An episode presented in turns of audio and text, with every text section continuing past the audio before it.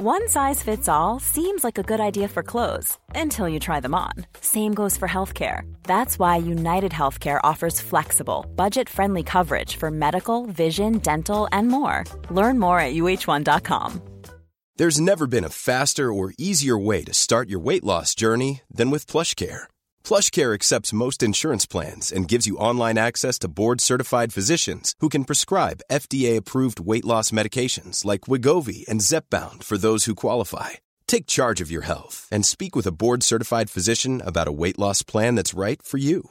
Get started today at plushcare.com slash weight loss. That's plushcare.com slash weight loss. plushcare.com slash weight loss. Hey, it's Ryan Reynolds, and I'm here with Keith, co star of my upcoming film, If, only in theaters, May 17th. Do you want to tell people the big news?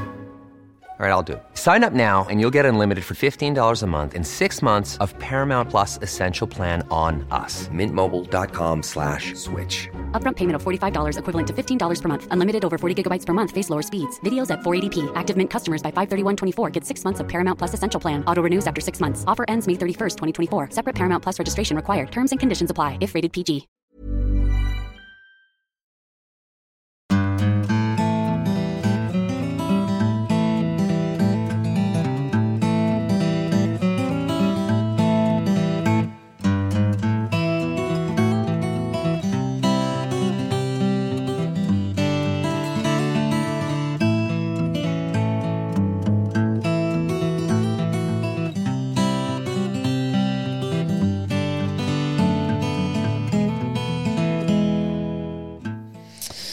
Hjertelig velkommen til nok en episode av Hall og knall-podden.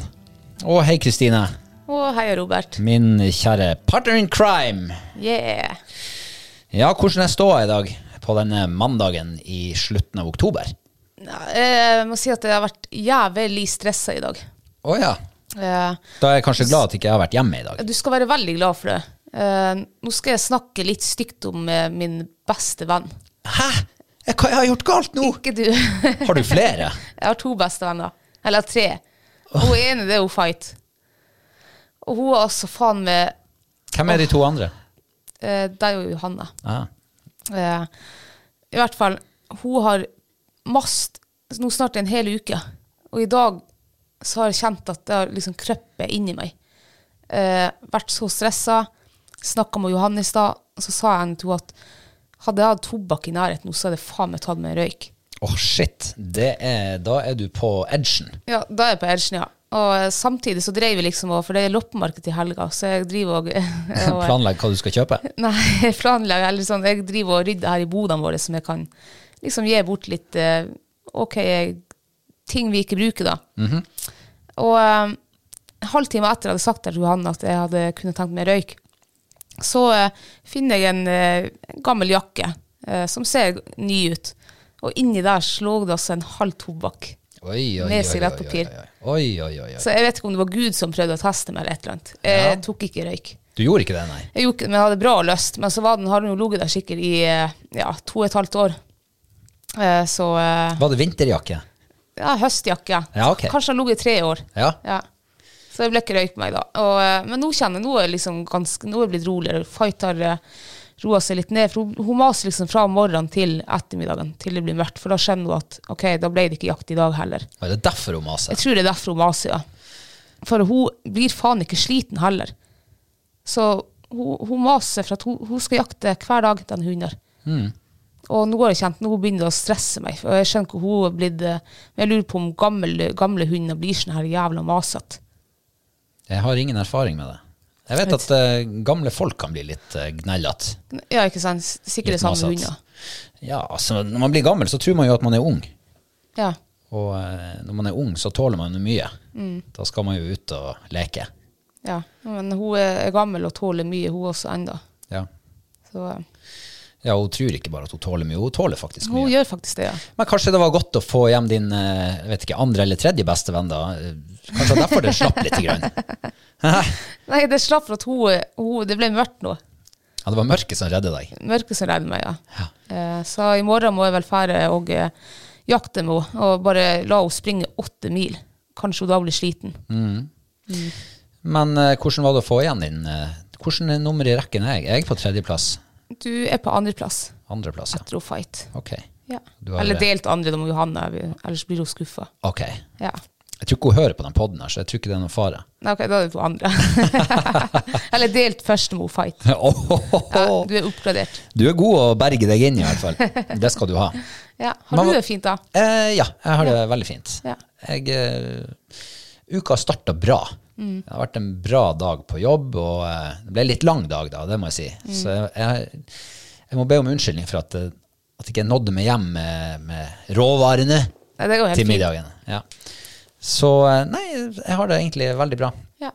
Eh, på en god stim. Eh, Bedre enn forrige mandag, i hvert fall. Å. For da hadde jeg jo mørketidsdepresjon. Stemmer det, ja. Hvordan Og- går det med den depresjonen nå, da? Nei, jeg kjenner at uh, det går bedre og bedre. Å, Jeg, jeg er mer opplagt om dagen. Jeg tror Ja. det er begynnelsen på et godt tegn. ja, det kan være. Og uh, jeg kjenner at å stå opp klokka halv syv om morgenen, det blir lettere og lettere, selv om det blir mørkere og mørkere ute. Så eh, jeg har det bra. Ja, det er bra. Har du noen høydepunkter fra uka som har vært? Du, eh, unnskyld, før vi går over på det. Ja. Fant du noen spennende lopper? Eh, ja. Jeg fant flere ting. Blant annet første gaven eh, du fikk fra meg. Hæ? Skal du gi den til loppemarkedet? Ja, for du har ikke, nå er det syv år siden jeg ga den til deg sånn, det året vi ble kjent. Husker du hva det var? Eh, er det den der eh, USA-gaven? Ja. Ja. Teltlyset, eller hva det er slags. Det var et lys. Eller et, eh, en lysholder, i hvert fall. Å ja, den, nei, den har jeg ikke gitt vekk. Herregud, det var første gaven. Det er den andre gaven da jeg ga til deg. Det er kun de første tingene jeg husker. Ja, ikke sant? Hva er det du skal gi bort nå? Jeg skal gi vekk en sånn her ørret med sånn her hengekrok, sånn her hengeknagg. Ørret. Ja, men Det må tror ikke du skal gi bort. Ikke? Nei, jeg tror vi må bruke den til noe. Okay. En knagg Ja. ute på verandaen, over jacuzzien kanskje. Det kan vi gjøre. Ja, se der! Ja, ja, ikke gi ok. bort sånne ting. Ikke, ikke gi bort gaver. Det er Nei. ikke uten samtykke. Så det var bra du tok det opp nå. Ja, og så fant jeg et um, Jeg fant et ubrukt smykke uh, i tegnen Vannmann, som ligger enda i eska. Den kjøpte jeg til uh, min eks for ti-elleve år siden. oh, ja. Så den, eh, den har jeg funnet fram og skal gi til loppemarked. Den falt ikke i smak, altså. Nei, jeg ble aldri gitt den da. Det ble jo slutt og alt det der. så oh, ja, da- før du nådde Ja, ja, så den er helt ny. Den har ligget i, eh, liksom, i ring, eller i smykkeeska sida. Det er jo bra loppe, er det ikke det? Det må jo være fin. Jeg For- tror det er i sølv også. Oi, oi, oi. Ja. Men uh, hva du tenker om loppemarked? Skal man liksom kvitte seg med alt rælet man uh, har, uh, alt ræl i boden? Eller skal man gi ting man, eh, noen kan få bruk for, liksom? ja. Man skal ikke kvitte seg liksom med søppel. Eh, søppel, da drar du til søppeldynga. Så du må jo finne fram fine ting. Altså Eh. ting som er brukende ennå. Ja. Ja, men det er mange som ser nøtta i helt verdiløse ting.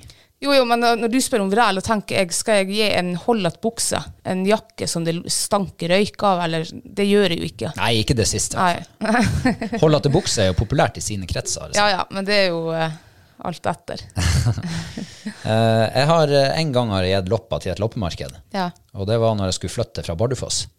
Da var liksom Jeg så tilfeldigvis at det var loppemarked, så jeg ringte til han sjefen for loppemarkedet så sa jeg, du, jeg har et eh, del av et flyttelass som ikke jeg har lyst til å ta med.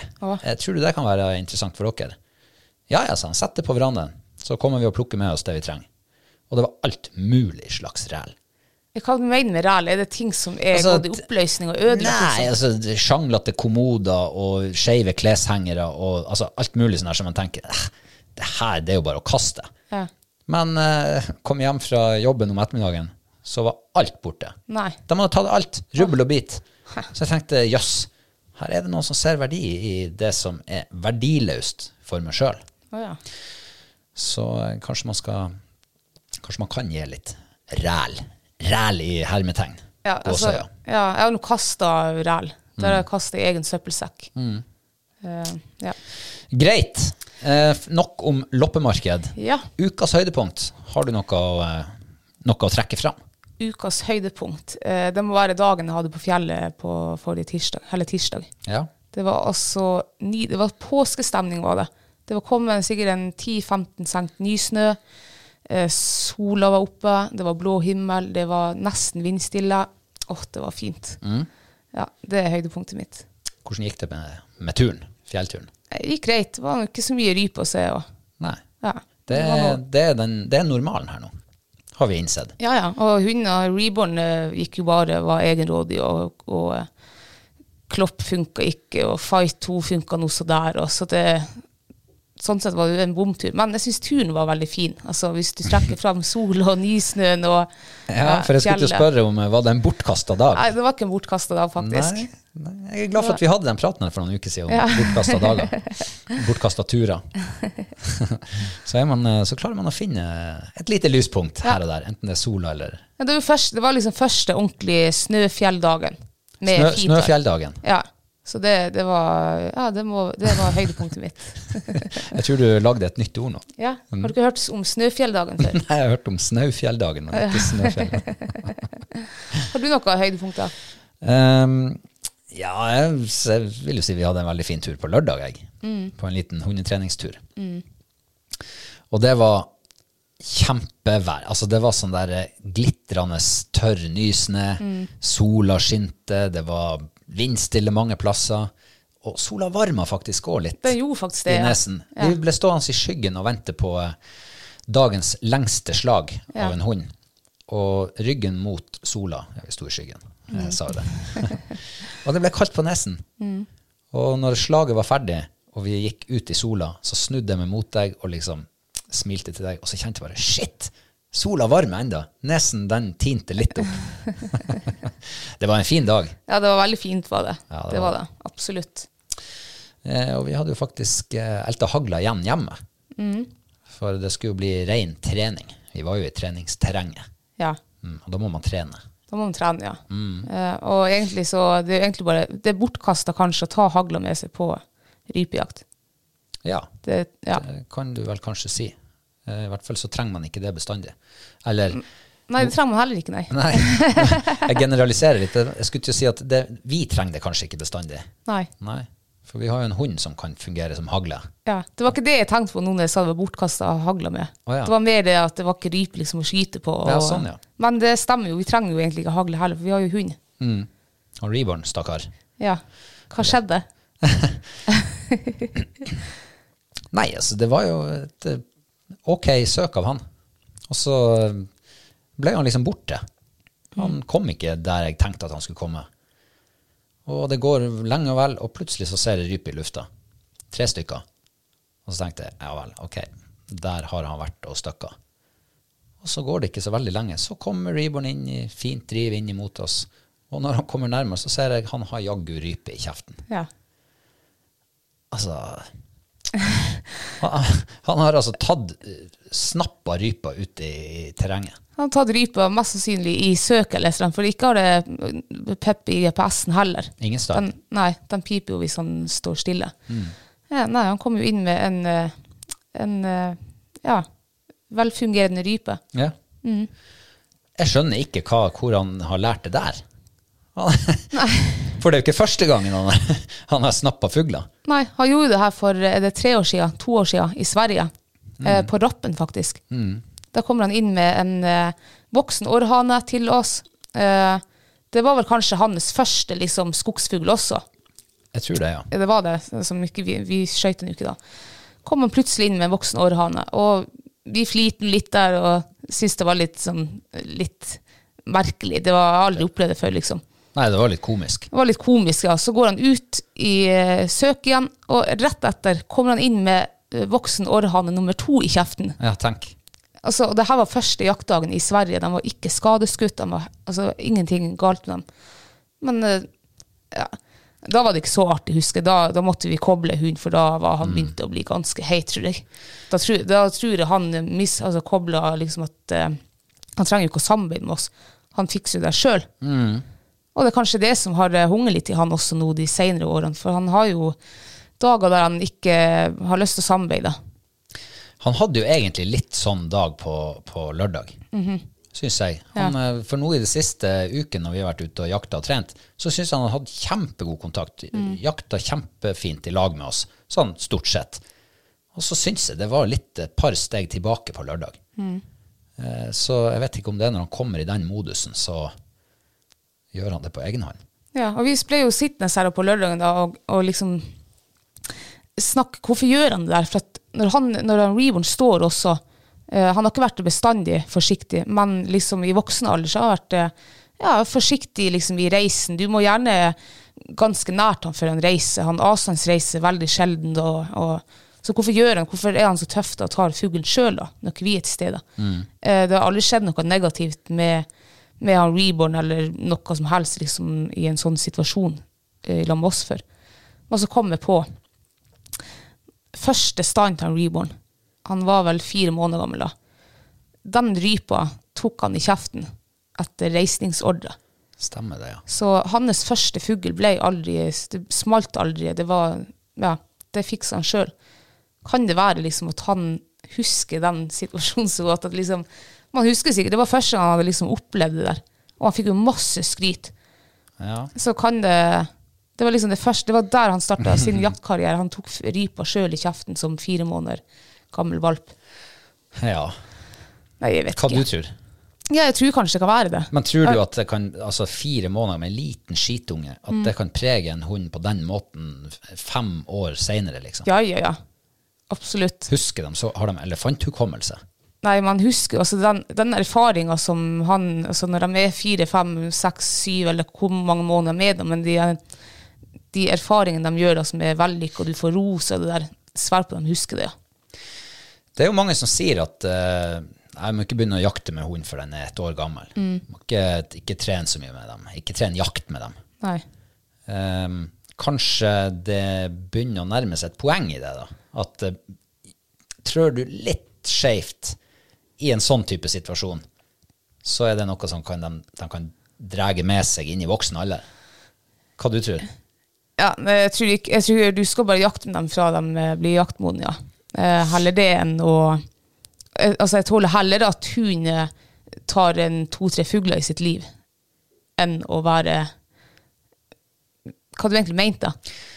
Nei, jeg, mente, jeg tenkte ikke akkurat på den situasjonen, da. Men hvis det er sånn at de første jaktopplevelsene du har som kvalp, altså halvt år gammel, at de kan prege deg det, det som skjer i den situasjonen, kan prege deg seinere i livet som jakthund. Eh, på en sånn måte at ikke det går an å liksom, få det bort. Altså, skyter du fugl på bakken når kvalpen er fem måneder gammel, så kanskje den, det henger med at jeg trengte ikke reise. Nei. Fordi at jeg fikk jo ta den i kjeften Ja, ja. likevel. Eh, man ja, altså, jeg skjønner hva du mener nå. Ja. jeg, bare tenker høyt når jeg tenker litt videre. Er det sånn at hvis man da er litt uheldig med eh, kommandoen i en gitt situasjon når ungen er Nei, ungen. Når kvalpen Mm. er er unge. Ja, ikke sant? Eh, som lager en feilkobling i hodet på den der lille snøret der. Mm. Kan den ta den feiltiminga, f.eks., med Mm. seg videre i livet? Som gjør at f.eks. at reisen sitter altså den litt treg, sånn som Reborn, litt treg å reise. Eh, finne ut at nei, jeg tar den jo bare i kjeften, jeg trenger jo egentlig ikke å stå og vente på at de kommer opp. Eh, sånne ting. At du kan få sånne typer feilkoblinger, som i utgangspunktet ikke gjør så veldig mye i det daglige livet, men at du får sånne ja, vedvarende ting som du skulle ønske var litt annerledes. da. Ja, ja. Nei, det kan absolutt uh, godt hende. Hadde, Men- ikke jeg vært, hadde ikke jeg gått på jaktprøver, så hadde jeg skutt altså, fugl på bakken hele tida og liksom ikke brydd meg om noe. Ikke brydd meg om sitt, tror jeg. Ja, kanskje litt sånn hvis du får Jeg vil ikke ha en hund heller som herjer, men, så, men vi går jo på jaktprøve, så det er derfor, eh, det er derfor vi er, det er så viktig for oss at hundene skal være sånn og sånn og sånn. Og når vi prater, vi har jo pratet litt mye skit om Reborn. Han er jo egentlig en fantastisk jakthund. Men på jaktprøve uten GPS så kan han eh, av og til liksom forsvinne og, og bli litt borte. Eh, så det er liksom det, Du vil ha noe midt imellom. Du har en god jeger, men også en god jaktprøvehund, siden vi syns jaktprøve er dritartig. Ja, så har vi jo vært innom det med sånn som med reis, da. Mm. Har du en eh, hund som reiser djervt, så kan du bruke det til avstandsreis, og du kan bruke det til din fordel i tett skog i Sverige, f.eks. Mm. Hvor du kan ja, gå foran eh, og få hundereiserypa mot deg. Ikke rypa, men fuglene mot deg. Og det, Mm. Ja. det vil jo ikke være mulig med Reborn, sannsynligvis aldri. Ja, jeg har jo gjort det. To, ja. Ja, ja, her, ut- For to år siden vi var i Sverige. To ganger avstandsreiste han, og da reiste han mot meg. Så at han er litt sånn her eh, Men det virker som at i skogen så er han djervere, kanskje for at han ikke ser fugl. eh, vet ikke. Men eh, vi hadde jo en situasjon der oppe på en reborn på lørdagen, der han står og rypa sitter rett foran han, helt åpent. og bare flotte seg. Og da låser han seg helt. Og så han er liksom så forsiktig på den båten der også. Det, jeg ser jo på fight også, hun kan også være litt vanskelig å få reise hvis rypa sitter rett foran henne. Men hun går jo på, hun lar aldri meg liksom springe forbi henne. Det, det, det tolererer hun ikke. um, men det du kanskje, kanskje skulle ha gjort på en Reamer, da, det er å ikke gå ba opp bakfra når han står sånn der og, og liksom låser Ja, litt. jeg er litt vant til å ta ting bakfra, liksom, så det, Ja. det ligger naturlig for meg. Ja, og det er kanskje hvis du, Jeg tror han føler seg enda mer trøkka hvis du kommer opp sånn her bakfra. Og så stopper du opp og blir litt sånn her Nei, hva jeg nå gjør? Og da, virker, og da viser du usikkerhet. Ja, da blir han Reborn også usikker. Hva vil vi nå gjøre, far? Skal vi bare stå her? Eh, Du gjør ingenting. Eh, Jeg tør ikke å gjøre noe. Og rypa gjør ikke noe. Hun sitter bare der. Jeg eh, skjønner hva du sier, Mm. og jeg må nok si at jeg er enig med deg. For jeg ble usikker her. Jeg visste ikke helt Når jeg kom opp i den situasjonen her, eh, og jeg ser, altså, han sitter jo i stand når Mm. vi kommer opp, og da tenker jeg, først så tenker jeg at han, her har han støkka, her er det ikke rype. Mm. Men så, viser, så ser jeg jo rypa foran han. Og når jeg da skal få han på beina, og, og han, det går så tregt at jeg kommer meg opp på sida av han, og jeg er i ferd med å gå forbi han, men så tenker jeg at jeg skal ikke gå forbi han. Og da stopper jeg opp, for da blir jeg usikker. Jeg bare, skulle jeg bare fortsatt fram der? Ja. kanskje jeg skulle ha gjort det, og liksom gitt han litt trøkk. Men eh, som du sier, jeg skulle kanskje ha kommet mer fra sida. Du skal komme fra sida. Eller jeg hørte jo et annet tips her i fjor eller noe. Uh, jeg har aldri prøvd det ut før. Det kunne man faktisk ha jo prøvd på en Reborn og se om det funker. Uh, og det er når du går opp, og hvis han nekter å reise, ta han fast i bånd, gå noen skritt tilbake, slipp han fri og si ja. Det skulle visst eh, være dritbra. Nå trenger jo ikke nå, altså nå reiser han veldig sånn jaktlig når vi er på jakt, og sånn, men det er jo den, den avstandsreisen jeg skulle ønske hos han. For det, når du er på jaktprøve og på vinterprøve f.eks. rypen er litt, eh, litt skjær fjellrype eller uansett, og så har han stand, og så vil du ha en avstandsreis for å sikre den første VK-en eller første AK-en eller CK. Så sånn. Du må jo reise for å få de der. Um, det savner for det er liksom Du vet ikke om han Reborn vil avstandsreise i dag eller ikke. Så det, det der savner jeg faktisk litt. Å være trygg på, på det. Ja. Um, ja, nei, det var vel kanskje, siden du spurte, så var vel kanskje det høydepunktet sånn overall. Ja, nå fikk vi jo gått igjennom hele dagen nesten. Ja. Hun Klopp hadde jo også eh, stand. Det hadde hun, ja. Hun hadde første slippet. Og jeg er jo litt sånn her, i hvert fall når det var litt rype i terrenget, eller sånn at det var spor, og det var, vi hadde akkurat hatt fugl, og så kjenner jeg at når jeg slipper den kvalpen der, hun flyr over alle hauger, da begynner jeg å stresse. Så jeg gikk da og kjekk, og så ble hun borte en stund, over en, liksom bikket over en haug. Og sier til faen hvor lenge borte hun var nå, for hun bruker å komme rett tilbake igjen. Og så tok jeg opp GPS-en. Ja da, hun står. Og jeg springer jo opp gjennom haugen der. Og når vi kommer fram, så ser vi bare hun Klopp og en rype i full flykt. Um, så hva som skjedde, det vet jeg ikke. Om rypa har gått, eller om hun har tyvreist, eller hva har skjedd. Men det som var gledelig å se, det da, at når vi ropte nei, så stoppa hun med en gang og kom inn igjen. Ja. Så det var veldig bra. Da, da funka det det jeg gjorde her for noen uker siden. ja. Uh, ja. Men det som var så rart med Klopp, uh, jeg må bare si det, Ja, ja. siden vi var på den dagen, det var at etter det der, og liksom hele den dagen der, så gikk hun ikke. Det var akkurat som hun hadde null jaktlyst. Altså sånn, nå har hun sikkert ikke så mye jaktlyst heller, hun er bare en valp, men det var liksom ingen, det var bare sprang rundt i tull, liksom rundt føttene våre. Og det har jeg aldri sett henne gjort før. Nei, men eh, det er jo eh, Bare for å drage fotballmetaforen, så er det jo eh, sånn med unge spillere. De kan variere veldig prestasjon fra dag til dag. Mm. og sånn er det sikkert med unge, unge jakthunder også. Ja, det er jo det. Tenker jeg. Ja, ja. Det, altså, det har jeg jo sett før men jeg syns det var litt sånn rart når vi endelig liksom kom ut i et terreng der det faktisk var litt fugl. Mm. Så ah, kjenner jeg ble litt sånn skuffa at hun bare kunne søke litt, liksom, for da hadde hun kanskje funnet seg flere fugler. Men jeg tror man må se det i det litt større perspektivet, og liksom eh, eh, se det over litt lengre tid. Eh, sånn at du får en om, om pila peker oppover eller nedover, eller om den er flat. Ja, Eh, og altså, da har ikke én dag så mye å si. Nei, jeg vet det. Altså, det her er et eh, valp og unghund, det går jo i sånn her berg-og-dal-bane. Det er jo det de gjør. Nå går vel eh, den berg, bergbanen, holdt på å si, den går litt nedover nå. Ja, bergbanen går nedover, og Eller Men så plutselig så. Og så plutselig, ja. ja. ikke sant? Så, så skal den lenger oppover igjen. ja. Så uh, artig nok det. Men uh, når vi nå alt er ute i marka, da, Mm. så jeg vil jeg bare si at eh, eh, vi, Den treningsturen vi hadde på søndag, den var den, Det var god trening. Det var god trening. Det var utegym. Ja, jeg vet ikke om det finnes noe bedre treningsøkt enn det vi gjorde. Jeg tror vi tre- trente hver en organ og, og muskel i kroppen. I hvert fall hoftemusklene og lårmusklene. Ja, faen meg. Ja, armmusklene og brystmusklene og magemusklene. Ryggmusklene mine fikk faktisk kjørt seg òg, kjente jeg. Ja. Og tålmodighet, ikke minst. I hvert fall min. Oh, ja. For, altså, når vi, eh, vi skulle jo opp til eh, Jervåta mi. Eh, Det var litt snø på bakken, altså sånn kjempelite snø. Eh, Det var gå, altså fotfører, skofører. Eh, Men vi skulle ha pulkene med oss og hive Jeg vet ikke hvor mange kilo vi hadde oppi de pulkene der. Men det kjentes faktisk ut som Johanne satt bak på pulken da jeg dro henne oppover bakken der. Og når vi begynner, jeg begynner å slite med det samme vi går, og tenkte bare at det her går ikke. Og den, den tanken tenkte jeg ganske lenge inni meg, at jeg kommer til å måtte elte igjen pulken her, eller noe sånt. Tenkte hele tiden, men jeg, jeg var faen meg sta, altså. ja Så den ble med oss opp. det, du slutter aldri å, å imponere meg med staheta din. Nei. For eh, jeg skulle ikke si at det, det var ikke viljen det sto på, men det var vel Viljen hadde vel fått seg Du hadde litt vondt i viljen. Ja, det hadde jeg også. Ja, Men når staheta din er sterkere enn viljen Stahet kan flytte fjell. Ja. Ja, og mange kilo pulk. Ja, Men det er litt deilig å gå og trø sånn der og liksom slite litt. ja det er jo det. Jeg, kjenner jeg gjør det litt for sjeldent, men eh, det er, det er ordentlig godt av og til. Og så eh, Man kjenner at man lever. Ja, det kan du godt si. Eller man kjenner at man er på tur og dauer. Ja, det er da man kjenner at man lever. Ja, det er da man kjenner man lever. I hvert fall når du kommer fram. Nei, men ikke sant, du, du går og går og går, og går, og det er oppover. Altså, Reisadalen er jo bygd sånn at det går oppover hele tida.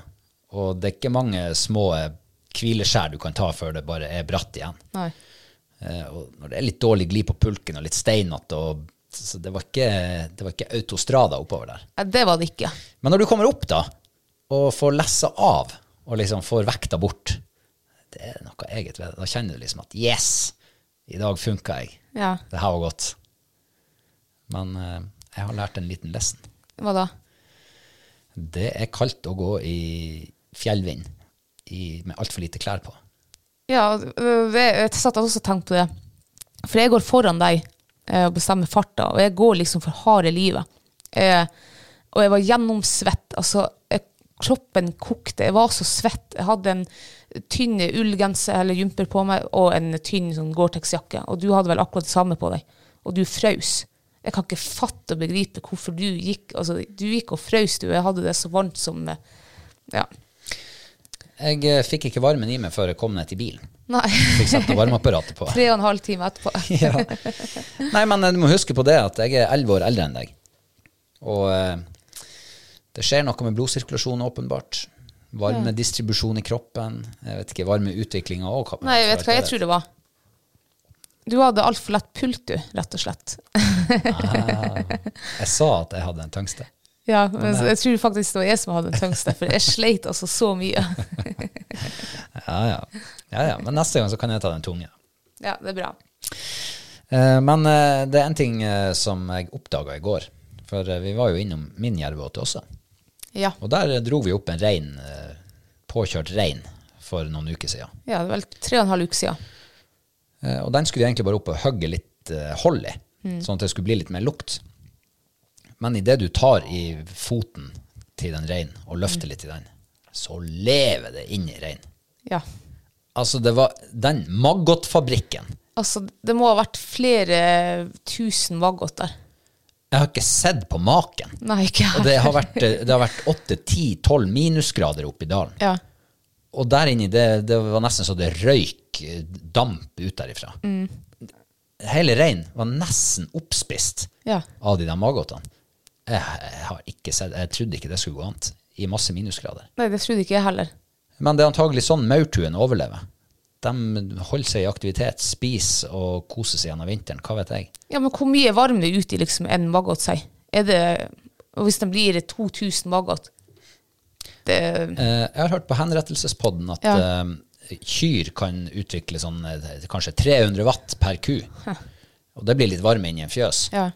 Men en maggot, eh, men når det blir 10 000 av dem, Ja, ja. kanskje det blir akkurat nok varme til at de skal overleve der.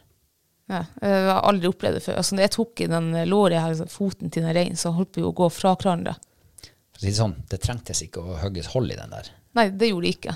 Og det ble med en gang lukt når vi fikk rørt litt på den. Men vet du hva, en ting som er faen altså at vi ikke gjorde, det var å hente fram eh, noen sånne her gamle bokser som vi kunne ha hevet den maggoten inne. Da har vi jo hatt maggot i hele vinter til isfiske. Ja, de er sikkert der ennå. Ja, skal vi dra plukke? Eh, gjør det bare du. Vi kan plukke, og så kan vi selge. Faen, de selges jo for 150 kroner i butikken, liksom, en liten boks. Noe skal de jo leve av. Noe skal de jo leve av. Men det er jo faktisk samme maggoten som vi kjøper i butikken. Ja. Men noe skal de leve av. Men eh, det vi skal leve av, Ja. det er nå eh, i løpet av uka god, gammeldags tradisjonsmat. Ja. For um, i forrige uke så fikk jeg melding fra en eh, lokal bonde om at eh, nå hadde han sauhaug. Han hadde noen sauhaug til overs, om jeg var interessert. Selvfølgelig. Det her har jeg jo lett etter i hele høst. Ja, i, ja, i over et år. Ja. ja. Så jeg for av gårde. Fikk meg fire spelsauhaug. Og eh, det eneste minnet jeg har, og motivasjonen min til å ete det her, det er et minne jeg har fra min barndom, da bestemora mi kokte sauhaug. Jeg har aldri gjort det før. Jeg har ikke spist det på over 30 år sikkert. Men den smaken og den tunga husker jeg. Jeg husker at vi satt og plukka kjøtt fra et halvt sauhaug. Ja. Spiste det, og tunga var liksom rosin i pølsa. Det har jeg lyst til å oppleve igjen. Jeg vil finne ut om det er så godt som jeg husker det som. ja. Men det, du, sier, det smaker jo sikkert pinnekjøtt eller noe. Har du eh, spist sauhaug noen gang? Jeg har aldri spist sauhaug. Nei. Og eh, sauhaug, da tenker jo sikkert de aller fleste smalahove. Men det her var ikke smalahove. For vi flådde de greiene der. Ja. Har du flådd et haug noen gang? Ja. Har du det? ja. Ikke sauhaug? Ikke sauhaug. Jeg har flådd eh, hare og rev. Ja. Mår. Røyskatt. Mm. Ja. Hva som er enklest? Eh, ja, røyskatter var ganske enkelt. Ja. Våren også. Men det må være varm, liksom. Når de stivner og blir kalde, så er det fette vanskelig, altså. Ja. Og de, de sauene var jo eh, noen dager holdt på å si gamle, døde. Ja. Det var jo det. Men det her er jo et veldig sånn testprosjekt for vår del. Eh, jeg syns jo det er litt spennende å eksperimentere litt. ja. Prøve å se om man mestrer gamle, gammelt håndverk. For det her var virkelig håndverk, det vil jeg si. Ja, det var det. Først skal du flå de der greiene der. Og det er når, jeg har aldri flådd et dyr i hele mitt liv, tror jeg. Nei. Eh, Og et haug med horn Ja. og, og øyne. jeg har jo hatt onkelen min som helpdesken vår. For han er den eneste i familien som jeg har funnet ut av som, som har gjort det her i nyere tid. Og det er faktisk litt fint å ha en, eh, en eh, aldrende onkel på tråden liksom, som kan rettlede oss litt når vi står fast og lurer på ting. Så for å eh, en, eh, gjøre en lang historie kort, så er de flådd, og de er kløve, og de er skjølt i vann, og nå ligger de i saltlake. Og lakesalting har jeg heller aldri prøvd før. Nei. Har du? Ja. Å ja. Det har jeg gjort det mange år siden. Jeg husker ikke om det var fisk eller om det var fugl, liksom. Men jeg husker at jeg har lagd liksom saltlake. Mm. Eh, ja. Jeg er jo med i en sånn røykegruppe på altså, røyking av mat. ja. Ikke Petter Røes-gruppa på Facebook. Nei, Nei. ikke den gruppa du var med i engang. Um, og der er det mange som snakker om saltlake. Oh, ja. Og jeg syns det der høres litt sånn vanskelig ut. Så spurte jeg han onkelen min da, hvordan gjør man det saltlaka? Nei, sa han, du bare fyller vann i kasseroller eller i en balje, og så legger du en potet, rå potet, passestørrelse i botten. Og så begynner du å røre ut salt. Og når poteten flyter opp, da er det perfekt saltlake. Det der har jeg aldri hørt om før. Ikke jeg heller. Uh, poteten flyter hvis det er nok salt. Hvem hadde trodd det, liksom? Det har jeg aldri hørt om. Nei, ikke heller. Men det er jo egentlig helt rått sånn tips. Mm. Uh, da vet du at ok, når poteten flyter, så er det nok salt. Mm. Og nå skal de ligge i tre-fire dager i saltlake. Eh, Så i morgen kan det være mulig å begynne å prøvesmake. Tror du det? Ja, for onsdagsmorgen, da har de ligget i tre og et halvt døgn cirka. Ja. Så kanskje det blir sauhaug til middag i morgen.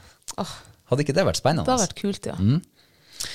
Eh, så nei, det har vært litt eh, spennende prosess. Eh, hvordan får man av horn fra et haug, f.eks.? Mm. Nei, det var jo bare å ta bajonettsaga fram. Sage av. Kjempeeffektivt. Hvordan klyver du et sauhaug? Det har jeg aldri gjort før. Det var øksa fram. Det, var eh, slegge, sleggetjeneste, liksom. Ja. Men det er jo artig liksom å være nesten med fra starten av og liksom eh, tilberede maten, da. Eller hva man kaller det for. Ja. Jeg syns det er spennende. Og det er jo ja, gammel tradisjon. Jeg, Ja. jeg fikk snap hos fattern eh, her om dagen. Når han hadde sett det her prosjektet, så sa han at eh, det er spennende, sa han. Det er bra dere eh, liksom, fører tradisjonene videre. Ja, men var det tradisjon her liksom i Nord-Norge eh, før? Tydeligvis. Å, Det var visst helt vanlig, det. Om høsten så var det sauhaugkoking. ja. Ja.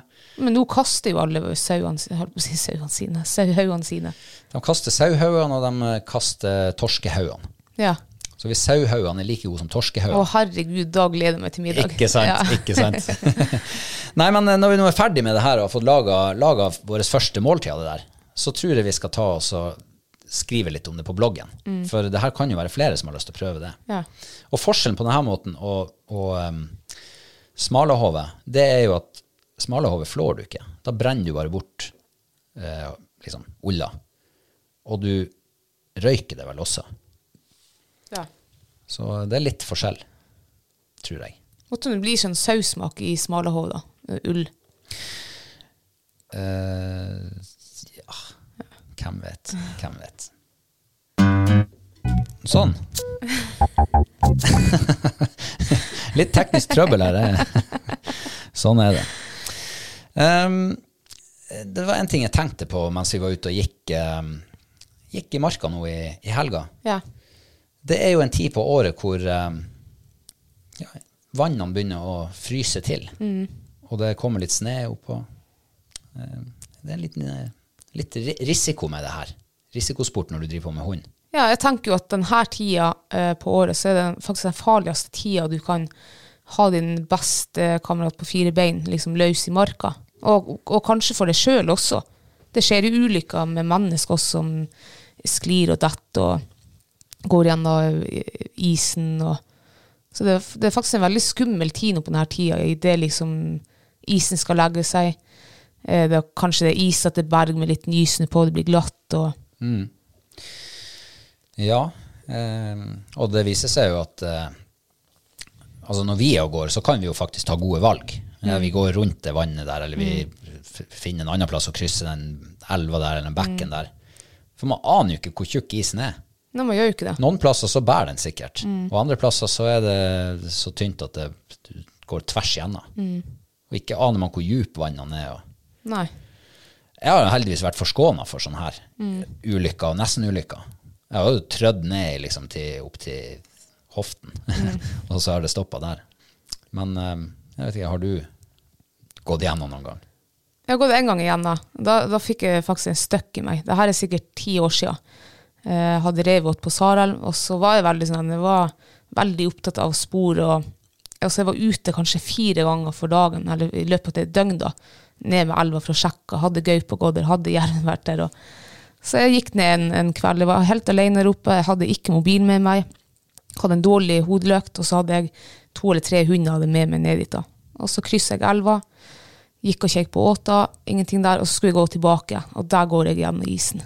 Altså, du hadde åtta på andre sida av ja, Reiseelva? På andre siden av ja. shit. Og det her var første gang, for jeg hadde vært rett før isen la seg, så jeg hadde vært over med kano liksom, og lagt liksom, en, jeg husker hva, noe haug eller et eller annet. Så det her var liksom første, og jeg tenkte at det her går jo, jeg har jo sett pappa vært og tatt en stokk og liksom dunka, så jeg gjorde nå det over der. Så når jeg skulle gå tilbake, så tok jeg ikke den stokken og dunka, da gikk jeg nå bare liksom omtrent der jeg hadde gått, og så gikk jeg igjen da. Og dæven, jeg ble redd altså, jeg fikk så skrekk at jeg ikke hadde telefon med meg dit, jeg visste ikke, jeg torde å gå over igjen Uh, ja, hva skulle jeg gjøre? Uh, så det jeg tror jeg gjorde, det var at jeg slapp hundene løs.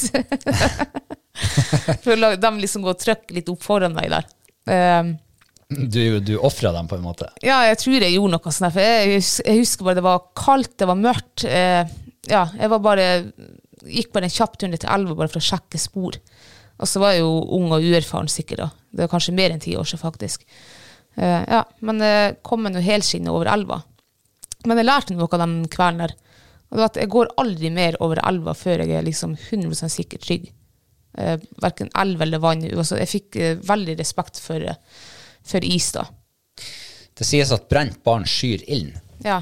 og det høres ut som det medfører en viss grad av riktighet. ja, det i hvert fall hos meg gjør det det. Ja. Men hvordan var følelsen da? Hvor dypt var det der du gikk gjennom? Nei, det var heldigvis eh, inn liksom mot elveland da. Så Du nådde bunnen, liksom? Da. Ja, jeg vet, jeg kom i hvert fall kjapt opp igjen, så jeg ble vel våt fra liksom rett på oversida av og ned. Rett på øversiden av navlen. Ja. så, eh, men jeg husker det var liksom, det var, jeg fikk skikkelig skrekk. Jeg ble helt skjelven og visste ikke hva jeg skulle gjøre. Men tenk hvis det der hadde vært på fjellet, og du hadde gått gjennom et vann eh, Du hadde en time eller to med gåing hjem. Ja, Da kan det jo fort bli kritisk, altså. Du er våt, og det er minusgrader ute, og da skal man være flink for å komme seg Eller ha litt, ha litt medvind, da. ja. Nei, det er jo eh, det er jo noe å tenke på, i hvert fall i disse tider. ja, det kan jo livsfare. Altså, jeg, jeg har nesten mista jaktkameraen min. Jaktkameraten min gjennom isen også. Jeg hadde en støver før. Eh, og, og de har du ikke kontroll på i den graden med en fuglehund, for kommer du til et isrett vann du utsøker, så kan du rope hunden inn liksom, og gå rundt, eller Men det kan du ikke med støver når han er etter en rev. Uh, og reven oppe i Reisan han er veldig glad i å gå på elva, og gjerne der det er tynnest is. Og det her var jo novembertida. Hadde los på henne, og så krysser kryss den elva. Jeg var vel da Jeg hadde ikke fått billappen ennå, da, husker jeg. Uh, så jeg var liksom, jeg hadde jakta bare rett fra huset. Og der er hun eh, ja, tre kilometer på nesja meg. Hun står helt i ro på elva. Jeg hadde GPS på henne, så det var liksom hun i stand. Og jeg trodde jo lenge at herregud, nå har hun stålos på elva, for jeg hadde sett at uh, samme hund har hatt stålos før midt på elva med reven dansende liksom rundt seg. Så jeg, var, jeg tenkte egentlig at nå er det stålos. De ti første minuttene tenkte jeg det. Og så var det liksom, det rørte aldri på seg. Det var liksom, det var, hun bare sto der. Og da begynte jeg å tenke, faen, har hun gått gjennom isen, må tro? Og da begynte jeg å få panikk. Og jeg kjei på klokka, og jeg så pappa skulle liksom hjem, han var ferdig på jobb, så jeg ringte han. Hvor er du hen? Ja, han var nå straks hjemme. Ja, jeg kler på meg, vi må kjøre på andre siden av elva, og, for jeg tror hunden min har gått gjennom isen. Så jeg kler på meg. Vi hopper i bilen, da var det sikkert gått 20 minutter. eh, og det tok sikkert et kvarter å kjøre rundt. Vi måtte over, langt ned over en bru og opp igjen. Og vi kjører ut av helvete, hun er fortsatt der, så jeg er helt, nå er jeg helt overbevist om at hun har gått gjennom elva. Eh, For det der var helt sånn merkelig situasjon, altså. Så vi parkerer liksom bilen på veien, og det første jeg hører når vi skrur av bilen, det var uling. Og da tenkte jeg, ok, men da lever hun ennå. Og vi bare sprang ned mot ulinga. Og der er altså hun midt ute i elva på Hun holder seg fast med framlabbene eh, så vidt. Um, og, der, og der har hun tviholdt seg fast i kanskje 40 minutter. Um, og hadde ikke vi kommet da, så da altså, Hun hadde ikke holdt to minutter til, tror jeg ikke. Hun var, hun var i utgangspunktet hvit og noen brune flekker. Denne hunden var helt lilla. Og vi klarte, pappa tok noe tau rundt seg der og for liksom ut på isen og fikk dratt henne inn. Og når vi liksom legger henne på land, så bare kollapser hun. Ikke, hun klarte ikke å stå, ingenting. Og hun veide jo sikkert 35 kilo, så pappa måtte bære opp i bilen og vi kjørte hjem. Og det endte ikke, liksom, klarte enda ikke å røre på seg. Så vi, det tror det tok en par timer før vi liksom klarte å tine henne eh, tilbake igjen, så at hun klarte å røre litt på seg. Det var, helt forferdelig, den opplevelsen der. Det var så um, Ja, den der opplevelsen glemmer jeg aldri. Uh, man skulle jo tro at hun heller ikke glemte det der. For uh, når det hadde gått noen uker, og jeg liksom, nå var elva trygg, så slapp hun igjen. Og jeg tenkte at hun kommer ikke til å gå mer på noe is. Å jo da. Å, ja. Hun raida på etter elveisen. Så hun ble nå ikke redd. Nei. Så eh, men etter den der, er liksom, jeg har bestandig tenkt når jeg går ut med hunden, at eh, jeg har vært veldig sånn obs på hvor er det vann hen, i hvert fall hvis det ikke er kjent i noen terreng. Hvor er det elv, hvor er det vann, hvor det kan være skummelt å trø på denne tida. Ja. Ja, Nei, vi får bare ta oss litt i akt på denne tida. Og nordpå så er vi der nå. Sørpå så er det jo fortsatt barmark og plussgrader. Ja. Så det drøyer litt der. Ja. Ja. Der traff jeg, vet du. Der traff du, ja. Ja. Vi skal over på eh, det faste, den faste spalta som heter Ukas mathøydepunkt. Ja. Har du lyst til å begynne? Ja, nå har vi jo begynt de siste, ja, de siste ukene med veldig sånn her Åh, denne uka har vært altså så bra. Vi har bare lagd god mat, og ja. Det kan jeg ikke si om denne uka. Nei, dessverre. Nei. Men vi har virkelig prøvd. Vi har virkelig prøvd, ja. Men nå har vi liksom falt litt tilbake til eh, ja, egentlig der vi stort sett er. Helt sånn, eh, Heller ikke stort sett, da, men Nei, altså, jeg vil nå si at vi har gjort et ærlig forsøk med lammeribbe og med vanlig ribbe, altså griseribbe, og um, diverse. ja. Men uh, det er ikke alltid man treffer ordentlig inn på svarta. Nei. Nei. Men vi har nå blitt mett. Vi sitter nå her og er gode av mat. Noen har mat. Ja, andre har ikke. Vi har mat, og vi kan spise. Ja. Ja. Uh, men ja, jeg har en mathøydepunkt. Eh, vi lagde oss eh, spekka sild på lørdag. Eh, det var godt. Eh, altså, sild ble jeg først introdusert til når jeg ble i lag med deg. Jeg hadde aldri hørt om Velkommen, spekka sild før. velkommen inn i sildeklubben. Ja, takk. Ja. Ja, sild er jo Det er jo um, Det har jo vært sikringskost her nordpå i hundrevis av år. Ja. Sild og potet, det er det mange nordlendinger som har overlevd på. Og sikkert mange på, i Haugesund også. Ja. For der har de, jeg tror det er der de har sildajas. Så det må jo være en grunn til at den heter sildajas. Mm. Ja, det har sikkert vært mye sild i Haugesund. Ja, det tror jeg. Ja. Du, du, før du eh, ble innlemma i sildeklubben, hva syns du om sild? Altså, hva tenkte du om sild da? Nei, jeg hadde hørt om sursild.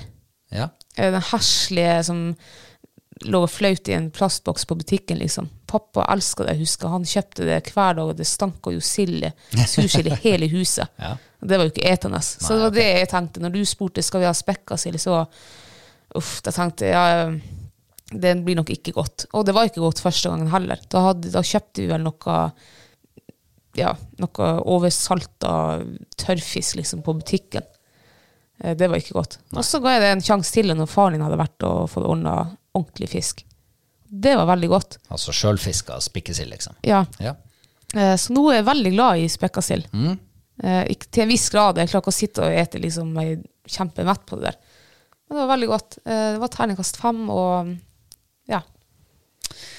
Ja, du, du har jo plutselig begynt å like grav... Nei, hva heter det? Rotten Rakfisk. Rakfisk, ja. Ja. ja. Eh, Det har du jo også begynt å like i, de, i nyere tid. ja, og det var også takket være slekta di. For at jeg likte ikke rakfisk. Jeg hadde prøvd å smake det liksom noe i senere tid. Men så fikk vi hos onkelen din, din kjære onkel Rolf. Og den var altså kjempegod av den. Ja, og broren hans sa jo at uh, han hadde nå aldri ville ha spist den, den uh, rakfisken som, som Rolf hadde laga. det hadde han ikke tatt sjansen på. Nei. Men vi har nå vi har nå overlevd det. Ja, vi har jo spist den sikkert to år på rad her. Ja, og, Men det er jo mer sånn sørnorsk tradisjon. Ja. Rakfisk er jo ikke noe som vi eh, er så veldig vant med her oppe. Nei. Sånn, jeg, jeg har ikke hørt om noen nordpå som har laga det før. Nei. Men uh, spikkesild, ja. Eh, no- jeg, jeg vet ikke hvordan andre lager det, men den måten vi lager det på, er jo sånn som jeg er vant med fra jeg var barn av. Jeg var ikke noe glad i spikkesild når jeg var barn, men jo mer voksen jeg har blitt, jo bedre har jeg likt det. Ja. Jeg tror det der er sånn voksenmat. jeg. Tror det der er voksenmat, ja. Så kanskje det egentlig bare var eh, lucky shot at du traff meg akkurat når du Ja. ble voksen nok til å begynne å like det. Men jeg syns jo det der, altså den salte fisken og søtt tilbehør og i det hele tatt, det blir veldig godt til, i lag. Ja. Så hvis noen eh, der ute sitter og ikke har særlig lyst til å prøve det, så prøv det. Og så gjør det enkelt med tilbehør. Lag litt kålrabistappe, kok en potet, Druer, druer, løk. rå løk. Ja. Jeg syns den der salatløken var kjempegod. Den var litt annerledes. Litt mildere, litt saftigere enn vanlig gul ja, det løk. var det. Og så rødbeter.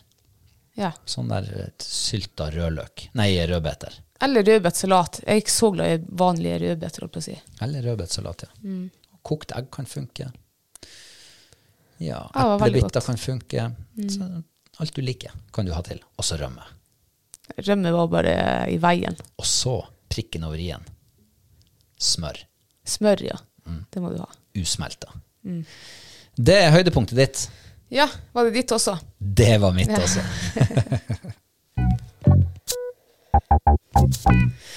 Da nærmer vi oss slutten, men før vi er helt ferdig, så skal vi bare minne om siste sjanse til å være med i trekninga av månedens giveaway. Ja, og det er fortsatt to eh, reinskinn fra trønderrein.no. Eh, voksen dyr. Så det Ja, det må jo være en kjempegave, altså. Ja, det må være kjempegave, ja. Ja. det nærmer seg jo julegavetid nå. Ja, det gjør det jo også, ja. Ja. Så kanskje hvis det Ja, kanskje du er på flørten med en, liksom. Å ja. Ja, så har du ett reinskinn, så gir du hun eller han det andre reinskinnet, pakker inn. Ta en rød sløyfe rundt eller noe. Mm. Ja, og så inviterer vi ut på date. Å, skriv et trivelig kort også. Mm. Da blir det ordnings. Da tror du det er ordning, altså. Da kan dere ta hvert sitt reinskinn Ja. og ligge attmed hverandre. Det er romlemantisk. Eh, ja, og det trekker vi ut eh, blant uh, våre kjære patrions i neste uke. ja. Ja. Og de, jo, de har jo fortsatt rein inni seg, de der skinnene. Ja. Sånn at eh, de eh, blir ikke sendt ut før sånn eh, litt seinere i måneden. Ja. Men den som venter på noe godt, venter ikke forgjeves. Det er sant. Ja da. Um, har du noe mer du vil legge til før vi legger på røret? Mm, Nei. Nei. Da skal jeg se om jeg finner rett knapp her. Ja. Det gjorde du. Gratulerer. Kjempebra. Da er det bare å takke for at du har hørt på, Mm. og um, du finner oss på sosiale medier. Det ryr inn noen her og der, noen som oppdager oss på sosiale medier. Mm. Så følg med. Og så er vi tilbake om en ukes tid. Det er vi. Sånn, ish. ha det så deilig. På gjensyn.